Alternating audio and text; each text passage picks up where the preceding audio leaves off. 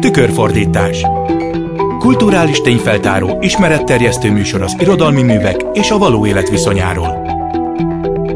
Tükörfordítás Jó napot kívánok! A Klubrádió mikrofonjánál Pályi Márk köszönti Önöket. A mai adásban október 23-a évfordulóján a valóságérzékelésről és ennek irodalmi leképeződéséről az 1956-os forradalom tükrében fogunk beszélni. Megidézzük Angyal Istvánt és Gáli Józsefet is. Most először Örsi László történész 1956 kutatóját köszöntöm a telefonnál, és induljunk onnan, hogy a mai hallgatóknak elsőre talán furcsának hangozhat, de mi volt a közös az eredeti őszinte kommunisták és az 56-os forradalom étoszában? Mik azok az igények, amiket mind a két esetben megfogalmaztak? Talán leginkább mondhatjuk, hogy a szabadságvágy talán. Eléggé furcsa első hallása, talán a mai fejjel, hogy valaki ilyen baloldali, sőt, ilyen szélsőségesen baloldali, mint leninista ideológia alapon képzeli el a szabadságot, de mégis ezek az emberek is a szabadságot hirdetik el, mint például Angyal István is, és sokan mások, akik baloldalról igyekezték reformálni a rendszert, és hát persze a cél az volt, ugye, hogy sokkal igazságosabb társadalmat hozzanak létre, mint ami a legutóbbi, úgy értem a Sztálini rendszer, vagy a Rákosi rendszerből rájuk maradt, vagy még annál is, ami a, ugye a korábbi rendszert illeti, tehát ahhoz semmiképpen sem szabad visszatérni, de vissza szóval a, a lenini alapokra való visszatérést tartották fontosnak. És az Angyal István képviselt talán legenergikus leggyorsabban, vagy legkövetkezősebben ezt az álláspontot.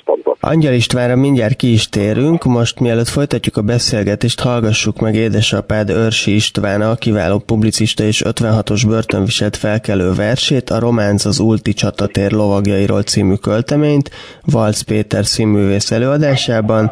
Ebben a versben Örsi István megidézi forradalmár barátait, Csongovai Per Olaf mellett Angyal Istvánt és Gáli Józsefet is, akikről az adás során beszélgetni fogunk, először Angyal Istvánról Őrsi Lászlóval. Ultisztunk éjszakákon át, ötvenöt őszén és telén, négy szerencsevadász barát, Pista, Jóska, Olaf, meg én.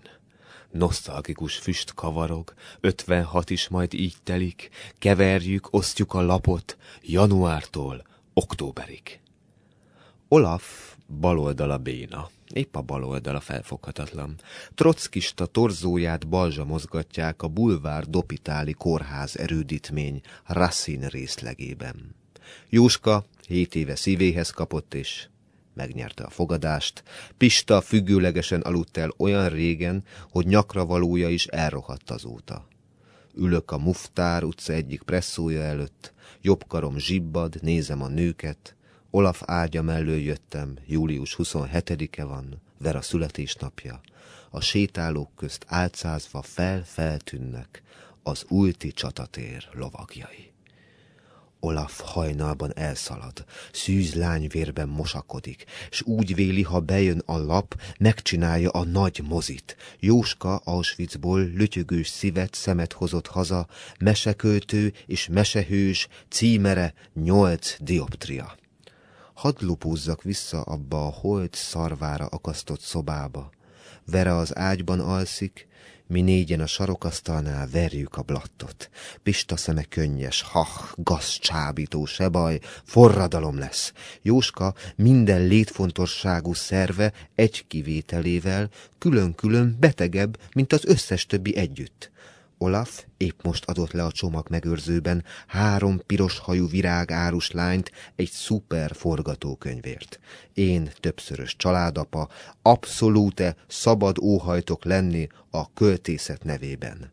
Vera száján az éjszaka kibe árad januártól októberig, blattal nógatjuk az időt, szénből sajtolt rum melegét, bevérez inget, terítőt, Ágnesről ultizunk, aki elhagyta Pistát, mással él, ám hirtelen októberi kártyánkat elfújja a szél. Szélfut a labirintus, Pista és Olaf ledöfött benne pár tucat minotauruszt. Jóska meg én tintát fröcskölünk a sebzett vadállat szemébe. Ám de ez többen volt. Hármunkat szarvára tűzött, magasba dobott, majd bőgve lenyelt, Jóskát és engem odvas fogarácsain át kiköpött néhány év múlva, de Pistának örökre nyoma veszett borzalmas bérrendszerében. Olaf három határon áthúzva meg sem állt a bulvár dopitálig, ruhástól fekszik az ágyon, trockista, kistőkés filmmahinátor vad zokogásban tör ki, ha az ulti csatateret eszébe idézem ulti csatatér, csupa vér, fél halál és egész halál, kártyánkat elfújja a szél, Vera ágya utána száll, hitetlen szemem dörzsölöm, a sarokasztal hűlt helyén, elkallódott kézen közön, a talomba hagyott remény. Jóskát, amíg élt, gyilkolgatták itt is, amott is. 68-ban megállt a szíve, életre dörzsölték újra, hiába kérleltem, nem tartott élménybeszámolót a mennyországról, mire dühömben fogadtam vele, hogy fog még szalonnázni a sírkövemen. Vesztettél, suttogta gyanútlan fülembe, 81 márciusa volt, épp egy írtóztatóan hájas csikágói hölgyön heveréztem. Azonnal lepukfenceztem róla, dermedten a mélybe, pár kurta örökké valóságig sikerült megkapaszkodnom Vera betegágyának rácsán, aztán tovább zuhantam. Kikötöttem Olaf mellett, s mosolyogva tűröm, hogy mozgatható jobbjával egyre magányosabban szorongó fenekemre ráragassza az elszállt aduászt. Örsi István Románc az Ulti csatatér lovagjairól című versét hallottuk Valc Péter előadásában, most Örsi Lászlóval folytatjuk a beszélgetést a tükörfordítás mai adásában. Az egyik megidézett szereplő a versben Angyal István, a másik Gáli József, hamarosan róla is szó lesz a műsorban. Most beszéljünk Angyal Istvánról, egészen pontosan arról, amit már az előbb is említettél a vers előtt, hogy mit képviselt Angyal István. Ugye ő az értelmiségi pálya helyett a munkás közeget választott, a munkás karriert, azt is mondhatnánk. Híres volt a karakánságáról, és úgy tűnik, hogy az Auschwitz-i koncentrációs táborból hozott tapasztalata is úgy hatott rá, hogy mindig ragaszkodjon a kőkemény realitáshoz, és azt ki is mondja, de valójában milyen volt ő, hogy állt benne össze ez az egész? Érdekes módon az Auschwitz-i rémes emlékek adott éppen egyáltalán nem kerülnek elő az ő terjedelmes, részletes önvallomásaiban. Nem már tudni, nagyon részletes önvallomásokat írt, amelyek rendkívül értékes kordokumentumok. Ezekben, meg a kihallgatási jegyzőkönyveiben sem érdekes módon a, nem akart avval úgy látszik szánalmat kelteni maga iránt, hogy beszélt volna az Auschwitz-i szörnyűségekről, vagy nem is tudom pontosan miért van az, hogy szinte teljesen hallgatta a lagorbásaiban. Amit léptenye nagyon fontos a említeni, valóban munkás osztály, és egyáltalán a, főleg a Leninnek az állam és forradalom művéből, de ugyanúgy azért Marx és a Engels német ideológia és más műveiből is nagyon erőteljesen képviselte ezt az, az ideológiát, hogy teljesen egyedülálló ez még a értelmiségi kommunisták, akik szintén a forradalom mellett álltak, mondjuk itt a Nagy Imre és társai gondolok, hát ők sem tettek ilyen megállapításokat, ők sem hivatkoztak indultalan Leninre, vagy Marxra és Engelsre. Valóban munkás karriert futott be, de aztán elég hamar építés lett, az pedig azért érdekes, mert nem tanulta ezt a szakmát, tehát külön tehetsége volt ehhez is, hogy ilyen gyorsan megértette a műszaki rajzokat, meg egyáltalán, hogy mivel is áll egy ilyen munka. Azért ez már nem teljesen munkás osztály, azért már egy ilyen műszaki értelmiség, ha lehet mondani, de ő személyében azért mindig egy értelmiségi személyiség volt, állandóan töprengett, nődött, és egy igencsak aktív értelmiség volt azért lényegében ő. Pont Angyal Istvánnál az értelmiségi beállítódás, meg a földközeli vagy munkás beállítódás, tehát ő ezt a kettőt akarta ötvözni, nem? Annyiban mindenképpen ugye, hogy hát a marxizmus eszmeisége, a munkás hatalom, a munkás, mint az vezető osztály, ez mindig is ott volt, ez mindig valamiképpen megjelenik, és ez csak is erre alapozott minden. A forradalmat, meg az előrelépést, meg minden egyébet lényegében erre alapozta. És mi került be Angyal István étoszából az 56-os forradalomba, tehát hogy mi az átfedés a kettőjük étosza között, mert nyilván nem teljesen, de mondjuk mondhatjuk-e, hogy 56 egy olyan különleges pont volt a magyar történelemben, ahol az embereknek nem csak a szabadságérzete, hanem a valóságérzékelése is felfokozódott, mégpedig pont azért, mert az emberek ténylegesen is beleszólhattak a hatalomba, és látták, hogy mi történik, és részük volt abban, ami történik, és ugye Angyal István tulajdonképpen már így fogta fel az 50-es évek kommunizmusát is, vagy legalábbis annak a feladatát. Az is egy elég nagy különbség, hogy a Rákosi rendszer után vagy végén megtörténhetett egy ilyen forradalom, tehát még az eredeti hívő propagandával mozgósító kommunizmus idején, de a Kádár rendszerben már kizárt lett volna, hogy megtörténjen, mert ott már nem mozgósító propaganda volt, hanem mindenkinek a lebénítása. Ez is még a korai kommunisták és a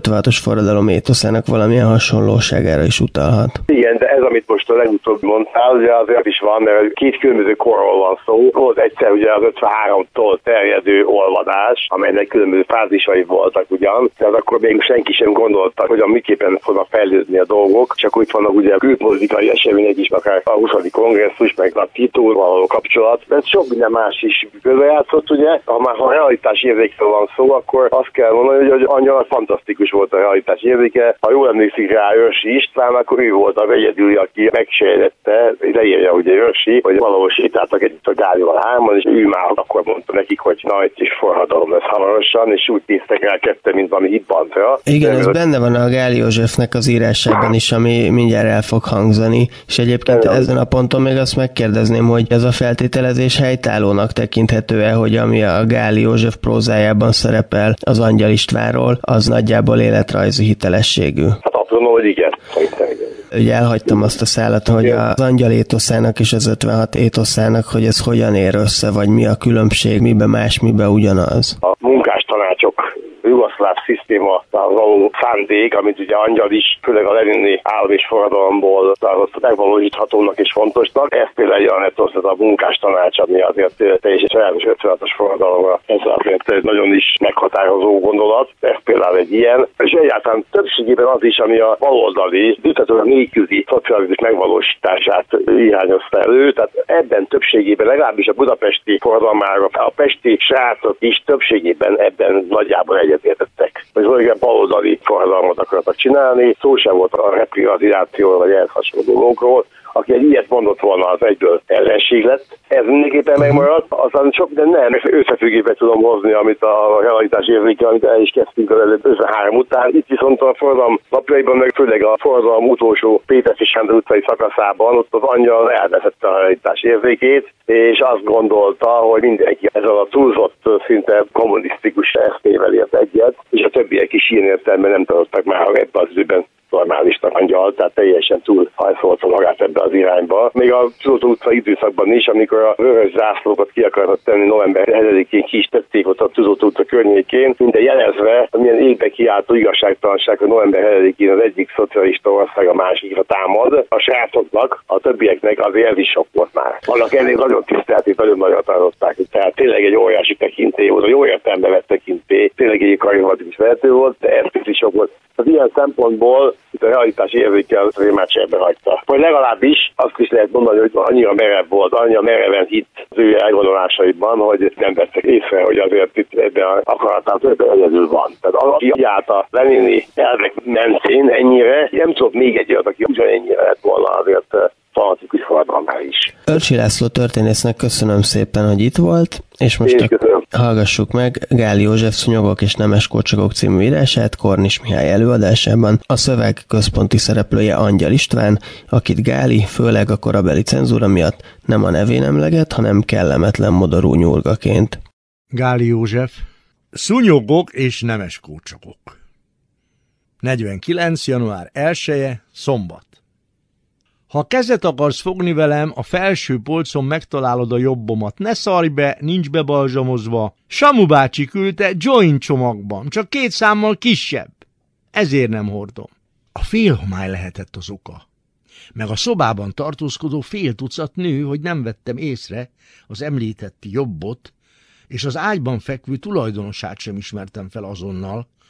A rózsaszínű műanyag kéz először porcelánnak véltem, fehér és bolyhos frotír közön hevert, tenyérrel felfelé, mintha azt várta volna, hogy valaki belecsapjon, a nők közül kettő az ágyon ült, és időnként hol az egyik, hol a másik, cigarettát dugott az állig betakart ágyban fekvő férfi szájába. A lompos nagymellű, aki titokzatosan és mély hangon suttogva a folyosóról beküldött a szobába, megállt az ajtóban, és elzárta a visszautat.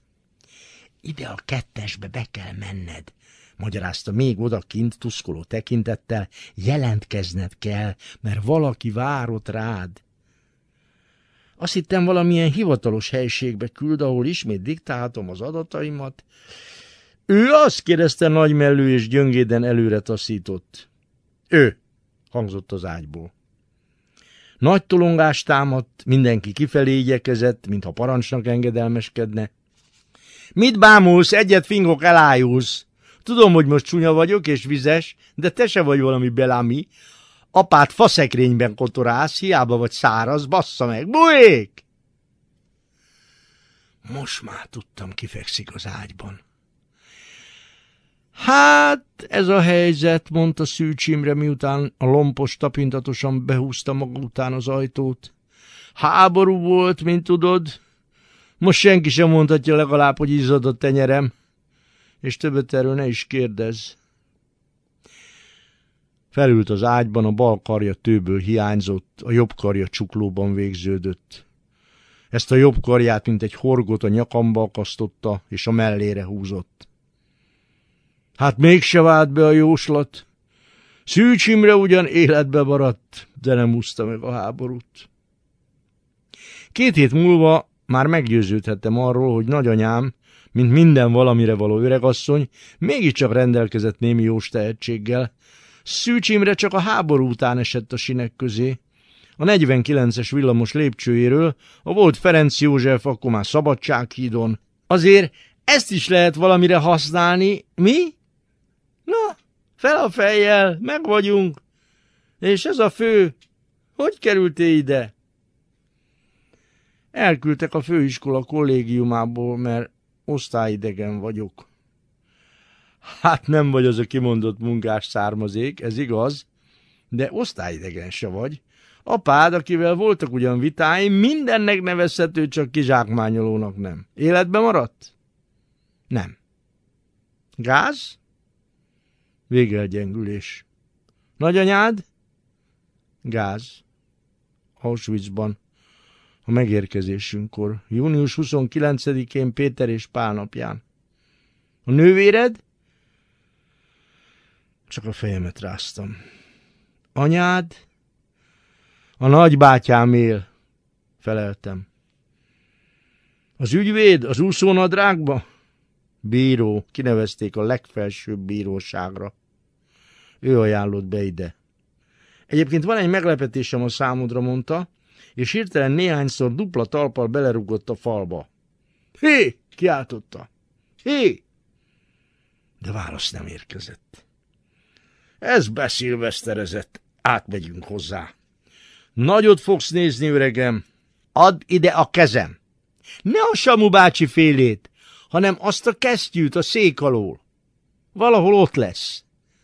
Mindig ledobálják a lányok. Előre nyújtotta készfej nélküli jobbját, én pedig felhúztam a csonkra a szék alól előkotort egyújas, kitömött bőrkesztyűt. Nesze mondta, miután elkészültem a művelettel, és a puha kesztyűvel gyomorszájon taszított. Emlékszel? A szűsféle balegyenes. Hát annak vége. És a műegyetemnek is. Most a jogra járok. Az itt van a szomszéd utcában, nem kell átvillamosozni a Dunán. Körzőzni és vonalzózni se kell. De a balegyenesből megmaradt a lényeg. Balról ütök és balra lépek, ahogy Majakoszki mondja. Balra, balra, balra! Nyisd ki az ajtót. A nyitott ajtóban megállt. Sokáig tartott a vakációd. De mától újra a tanítványom leszel. A szomszéd szoba ajtaját ő maga nyitotta ki könyökkel és lábbal.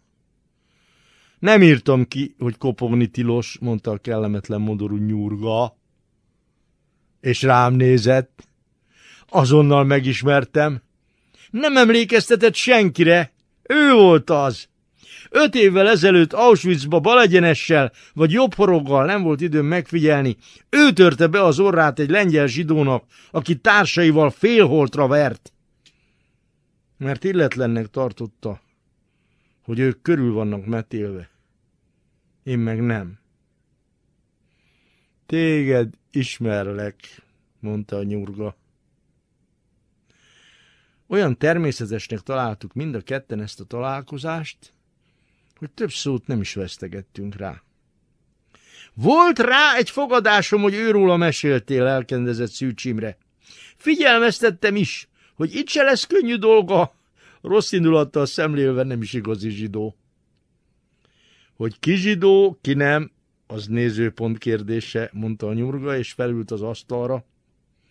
Egyébként hallottam, hogy rúdosod a falat. Akkor miért nem jöttél át? Nem akartalak megalázni. Ha le tudsz menni az utcára, hozzám is át tudsz jönni, ha akarsz. Én kedvellek téged. Nem segítelek hozzá, hogy harmadik Rihárd légy. Ahhoz különben nem elég nyomoréknak lenni. Királynak születni kell.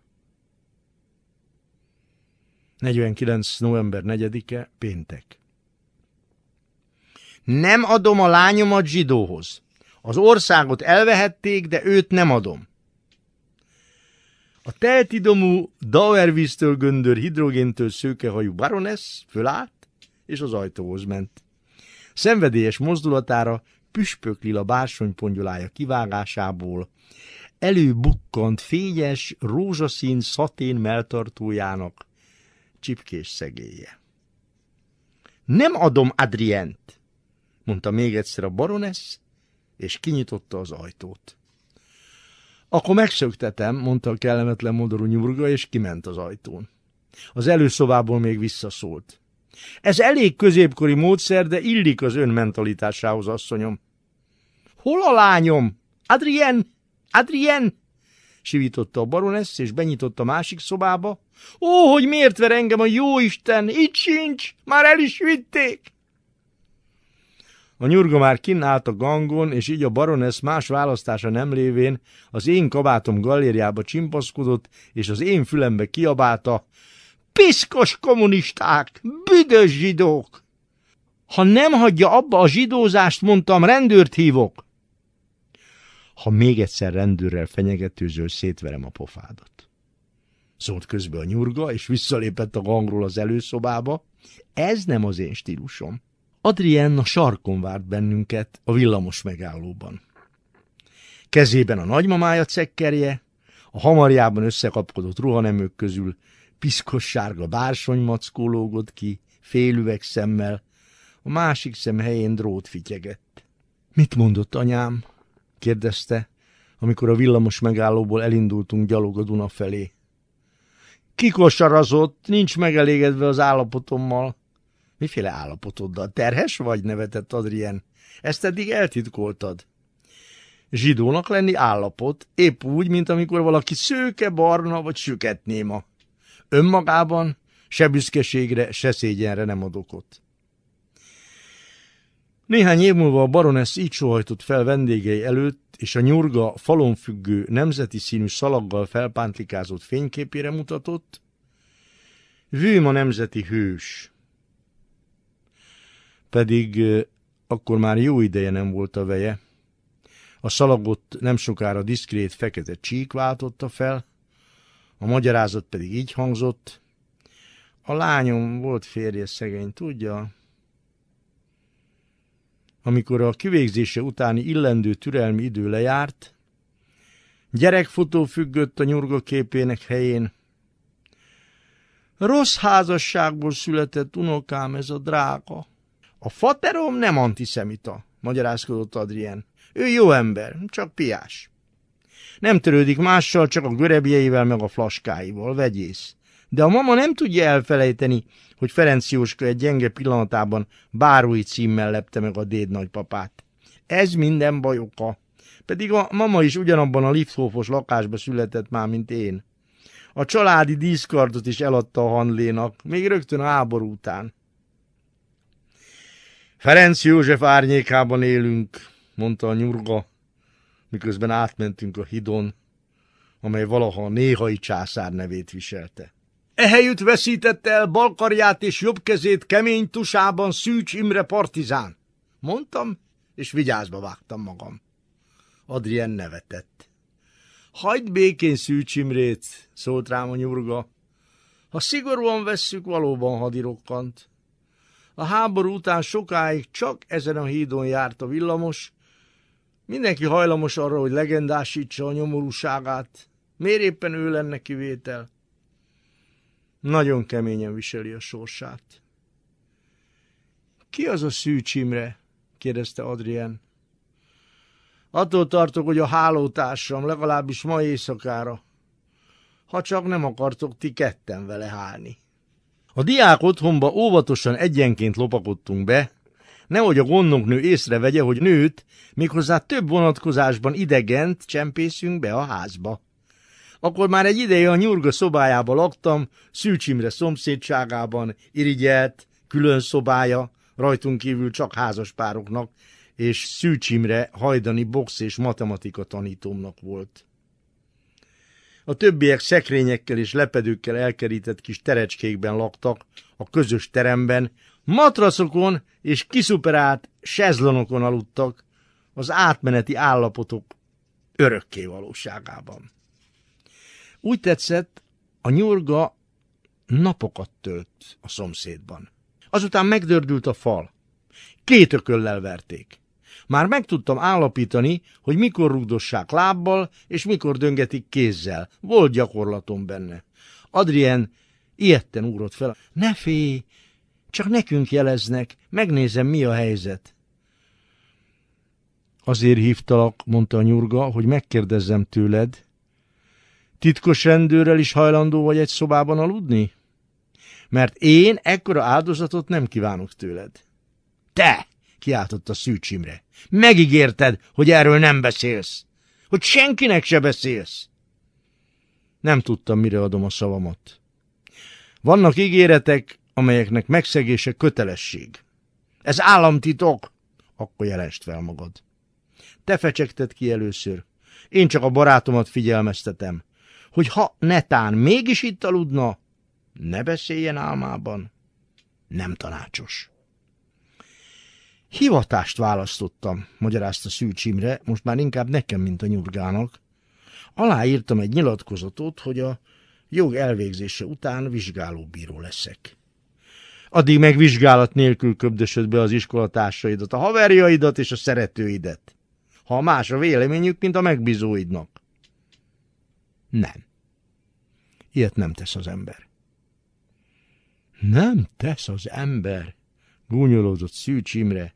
Isten őriz! Én nem vagyok olyan kényes, mint én, kommunista vagyok. Te egy szarházi vagy. Egy ízléstelen szarházi, mondta a nyurga. Tudod, miért lettem én nyomorék? kiáltott Szűcs Imre, és csonkjával melbelökte a nyurgát. Szándékosan lelöktek a villamos lépcsőjéről, mert zsidó vagyok. Mondták? kérdezte a nyurga. Éreztem. A legszívesebben szétverném a pofádat, mondta a nyurga már az ajtóban. Elvégre a barátom voltál. De, mint mondtam, vannak dolgok, amiket nem tesz meg az ember. Na? kérdezte Szűcs és rám nézett, miután a kellemetlen módorú nyurga kiment a szobából.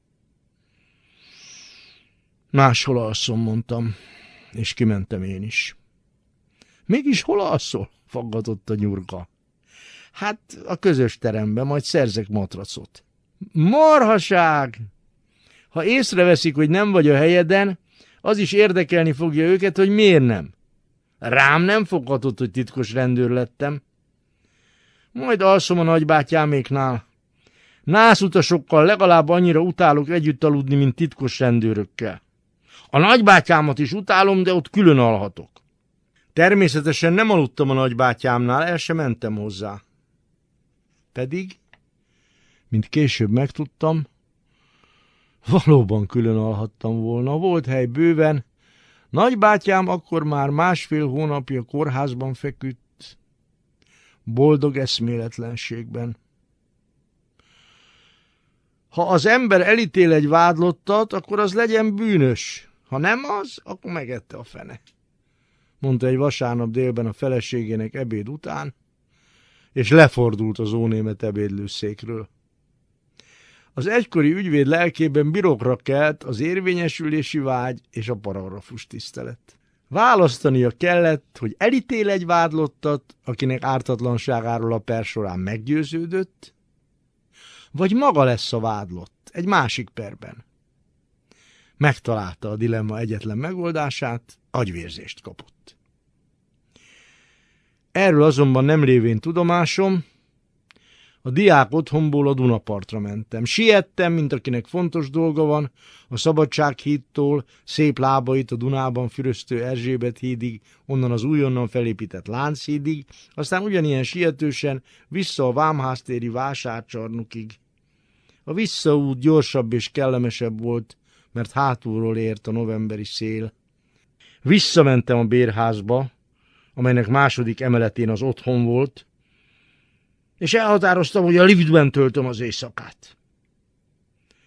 A liftet nem fogta körül lépcsőház, fémhálós, üvegezett aknáját kívülről ragasztották az épülethez. A liftajtó mellé a házmester köpőcsészét helyezett, visszhangozva döngött a fémajtó, ahogy becsaptam magam mögött. Megnyomtam az ötödik emelet gombját, a lift zögykölődve elindult, és én kényelembe helyezkedtem a kopott bordó bársonyhúzatú patkán. Bármilyen kényelmes volt is ez a fülke, talán az ögykölődés, talán a drótrács miatt, néhány év múlva egy autóban ez a liftes utazás jutott az eszembe. A nyurga volt az egyik utitársam, feltetően nem véletlenül utaztattak bennünket egy járaton, már rabruhában volt, mellém ült. Tudtam, hogy ugye rosszul áll, tudtam, hogy mindent magára vállalt, tudtam, hogy kellemetlen modor a rekordméreteket öltött, tudtam, hogy nem mondta magát bűnösnek, és nem kért kegyelmet. Tudtam, hogy ez az utolsó találkozásunk, mégis ezt kérdeztem. Hogy vagy? Köszönöm, felelte. Egyhangú a koszt. Miért akarsz meghalni? Nem akarok. Csak nem tudok jobbat. Aztán később azt mondta még, tudod te, hogy az elefántok temetkeznek? Ha az elefántcsorda meglát egy elefántcsontvázat, minden elefánt felkap egy darab csontot az ormányával, aztán szanaszét hurcolják és eldugják. Látni se bírják. Annyira írtóznak a haláltól. Ezt neked mesélem, te állatbuzi. Adriáról mit tudsz? kérdeztem, mert jobb nem jutott eszembe. Minden beszélőre eljön, talpig feketében. Akkora a szerelem, hogy már attól tartok, megerőszakol a rácson keresztül. A kocsi megállt, én egy tíz filléressel játszottam, amit gondos kezek a zsebemben felejtettek. Ezt ad nekem, mondta a nyurga, és elvette a pénzdarabot. Jó lesz az egyik szememre. A lift megállt. Anyáddal szórakozzál! kiáltott lentről egy késői hazatérő. Benyomtam a földszintet, és szótlanul átadtam a fülkét a negyedik emeleten lakó pirosarcú főpincérnek, akit röviden csak ezüstfogónak hívtunk, felső fémfogsora miatt. Szerencse, mondta az ezüstfogó a társaságában lévő rókabundás nőnek, hogy jövőre már megszűnik ez a kupleráj. Helyes is, hogy becsukják ezt a piszkos imperialista pénzzel finanszírozott zsidó vércsaftot. Még hogy deportált segély. Engem mi nem deportáltak? Ok nélkül nem deportálnak senkit. Fentről az ajtócsapodás után még lehaladszott az ezüstfogú dühött morgása, tőlem akár vissza is mehetsz hozzá, ha meg tudod érteni. A lift üresen érkezett meg. Szűcs utoljára az akkori Stálin, ma népköztársaság útján találkoztam, egy kora őszi napsütéses délelőttön. A nyurgával sétáltunk a liget felé. Talán már a zsebemben volt a tíz filléres. Néhány méterrel előttünk egy autó fékezett a járda mellett, és egy egyenruhás, őrmesteri rendfokozatú férfi lépett ki az első ajtón, egyenesen felénk tartott, majd félreérthetetlen mozdulattal intett nekem, hogy menjek a kocsihoz. A nyurga is elindult velem. Maga maradjon, mondta az egyenruhás a nyurgának, magát nem hivatják. Maradj, mondtam én is. Ha kell segítség, majd tülkölök. A kocsiban Szűcs ült. Sötétkék öltönyt viselt és bordó nyakkendőt. Az üres kabátúj zakója zsebében, Csonkakarja aktatáskát szorongató, megtévesztően valódinak látszó műkészben végződött. Mi a fenét akartok még? kérdezte Szűcs. A felülvizsgálatok folynak, a túlkapásokat orvosoljuk, kaja van. Mi kell még? Elfordítottam a fejem, és a sofőrt néztem. Már amikor a kocsihoz intett, nagyon ismerősnek találtam az arcvonásait. A laboratóriumi szolga fia volt. Ő segítkezett apjának első kutyám, Bobby, a rövidszőrű magyar vizslakölyök elrekkentésében. Kerek a káposzta, mondta ilyen esetekben nagyanyám. Látod, oktatott Szűcsimre, csak állsz és hallgatsz. Magad se tudod, hogy mit akartok, bassza meg. Aztán intett a sofőrnek, és elhajtott. Mi lesz? kérdeztem a nyurgától a ligetben. Talán forradalom, felelte, és a tavon úszkáló kacsákat nézte, és majd azok csuknak le minket, akiket hatalomra juttatunk. Szűcs Imre? Az nem. Szolga, és az is marad.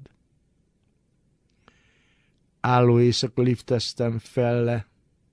A bársonypatkán felhúzott lábbal úgy helyezkedtem, hogy kinyújtott karral elérjem a gombokat. Minden jó, nagyon jó. Második emelet. Minden nagyon szép. Harmadik. Mindennel nagyon meg vagyok elégedve. Földszint. A földszint és az ötödik emelet között még aludni is tudtam egy keveset. Negyedik. Harmadik. Második. Mindennel. Félemelet. Földszint. Mindennel.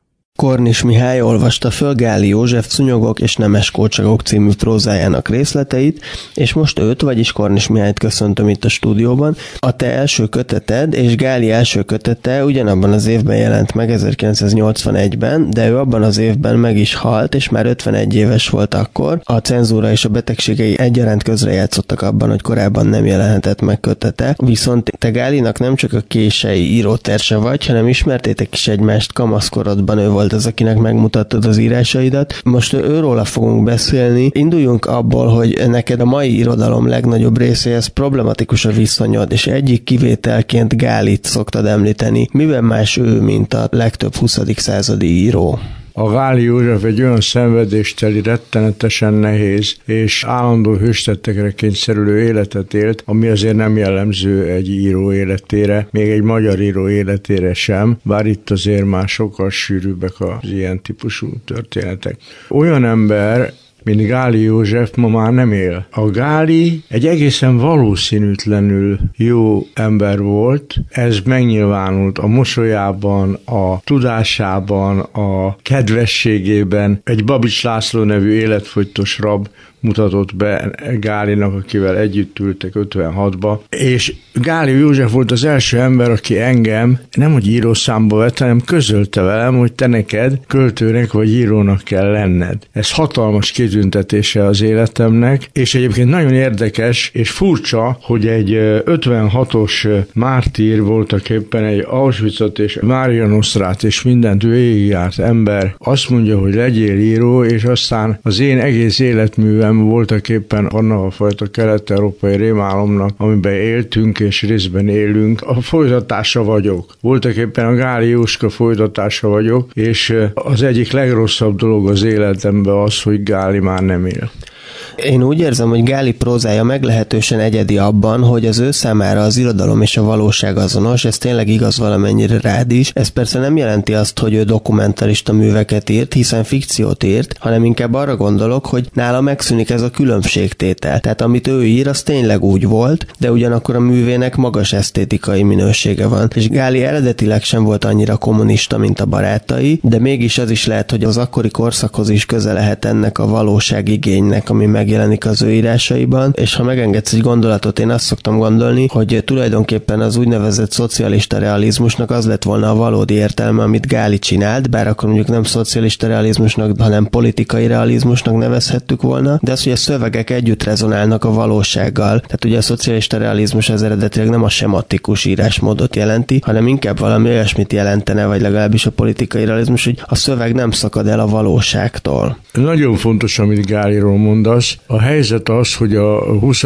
század nagy történései, amik a humanitás és a méltóság fogalmait megsemmisítették, porrá omlottak szét, azok az írók, akik megpróbáltak számot adni arról, amit megéltek, azt tapasztalták Kamütől Gálig, de nem tudok olyan írót mondani, Nádas Péterről se tudok mást mondani. Nem tudok igazán jó írót mondani, aki ne így állna a dologhoz. Már a fikció csak mint mese, mitosz lehetséges, legalábbis szerintem már mint igazán nagy formában, mint Gabriel Garcia Márquez művészetében, vagy Cortazár, és még sokak nagyok művészetében. De a helyzet az, hogy tanúságtételre kényszeríti a legújabb kor az írót, ha minimálisan író akar lenni. Még annyit tennék hozzá Gálihoz, ami egyedivé teszi az ő egyáltalán nem dokumentumprózáját, hanem nagyon jól megírt szép prózáját, ami azonban vélyesen valóságos eseményeken alapszik,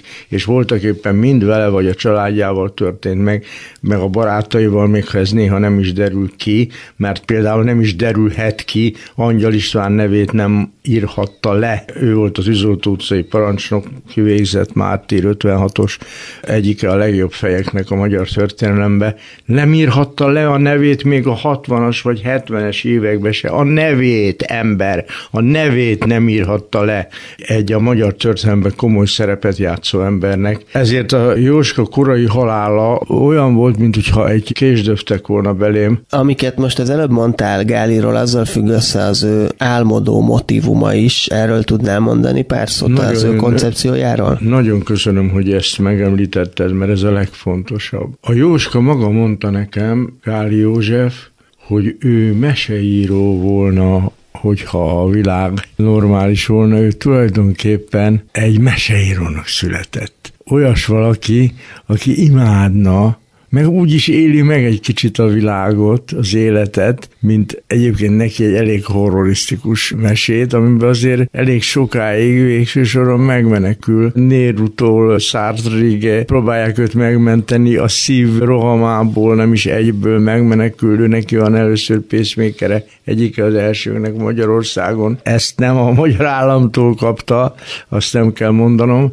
Azt akarom mondani, hogy ő maga volt a mese. A Gáli József egy valószínűtlen figura volt. Egy ember, akinek hat szemüvege van, csak életveszélyes dolgokkal foglalkozik, egy mondat részt, egy szót nem hajlandó hazudni a szónak abban az értelmében, hogy az írók ezt mondják. Nem arról van szó, hogy megmásítani nem hajlandó a tényeket, hanem nagyon keveset fogadott el magától, ezért fordított inkább Kafkát, mint írt volna, mert annak, amit meg akart írni, annak egyszerre kellett kellett igaznak, és másfelől ennek a tehát egy meleg, bolyhos kendő, valami nagyon lágy, meleg, jó dolog, még a legszörnyűbb dolgot is egyébként, amit majd hallanak a hallgatók, vagy hallottak, mikor felolvasom, éreztem, hogy a szíve olyan, mint egy plüss, és benne minden, még a legszörnyűbb dolgok is tulajdonképpen ilyen metafizikai fénybe ragyognak, ami metafizikának semmi helye nincs abban a rettenetes világon.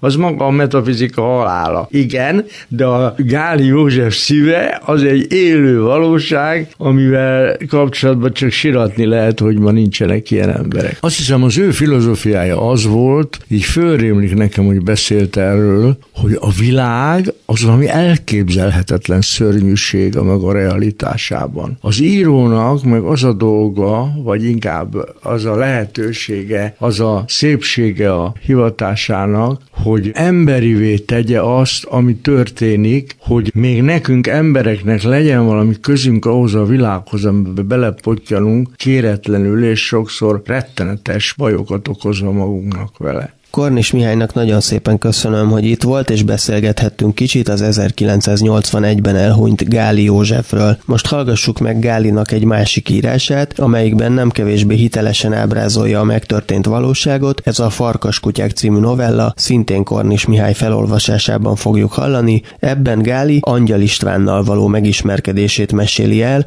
az Auschwitz koncentrációs táborban, kamaszkorukban. Gáli József Farkaskutyák. Azért, mert nem vagy körülmetélve, mondta a kellemetlen modorú nyurga, és megpróbálta a keze fejével letörölni kék-fehér csíkos zubbonyáról a vért.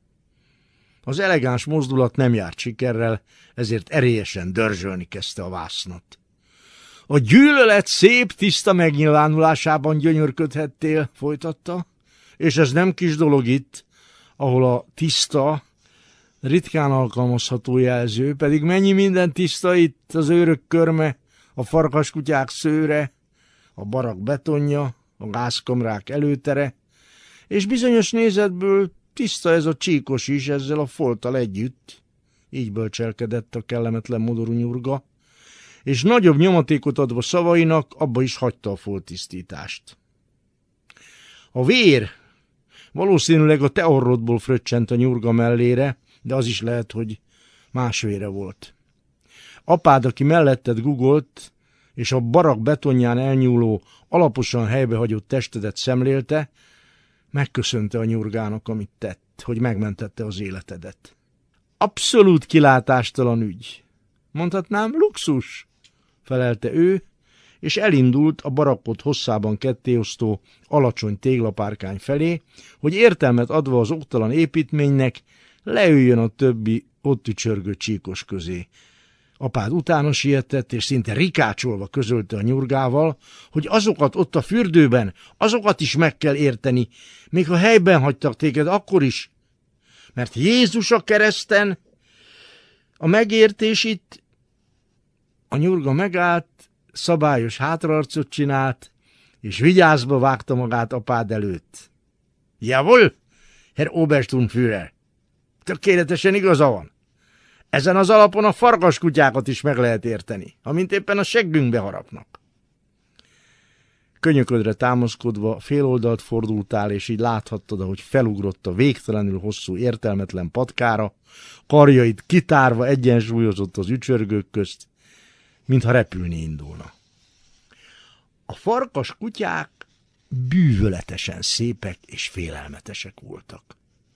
Bennük rejlett a lehetőség, hogy a levegőből hozzád suhanva a földre döntsenek, hogy mély morgásukkal megbénítsanak, hogy a melledre üljenek, felszegett fejjel vonítsanak, mint ahogy álmodban többször megtették. Bennük rejlett a lehetőség annak is, hogy a torkodnak essenek, ízekre tépjenek. De soha. Senkinek nem haraptak a seggébe. A fürdőbe is farkaskutyák kísértek, ne azt a dögöt bámuld, hanem rám figyelj, mondta a kellemetlen modorú nyurga, miután valahonnan a sor végéről mellét furakodva kiszorította a helyéről apádat. Vele együtt bukkant fel az oldalán a dög is. Fekete hátú, világos hasú, igazi farkas volt. Csak régi mesekönyvekben láttál eddig hozzá hasonlót. Ismerlek, mondta a nyurga.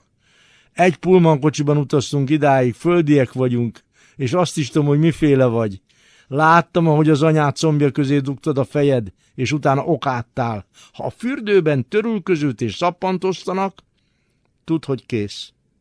Akkor állj pontosan az egyik csap alá, hogy telibe találjon az áldás. Eszedbe ne jusson a hátunkon fölkapaszkodni.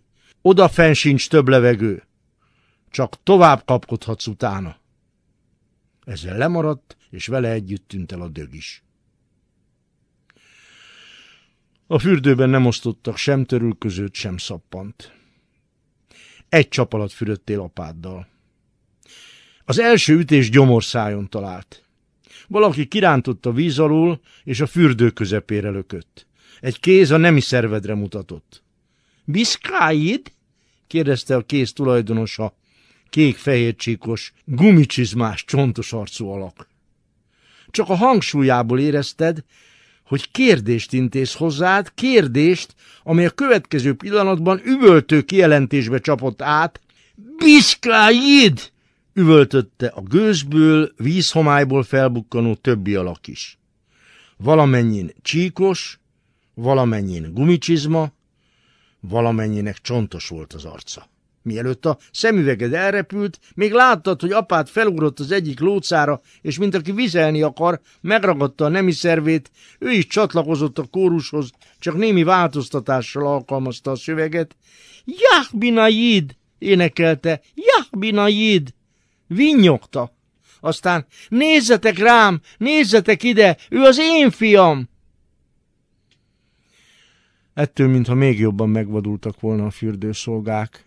Az egyik a kezedbe rúgott, mivel megsejtve, hogy miért a baj, ösztönösen eltakartad a bajokát.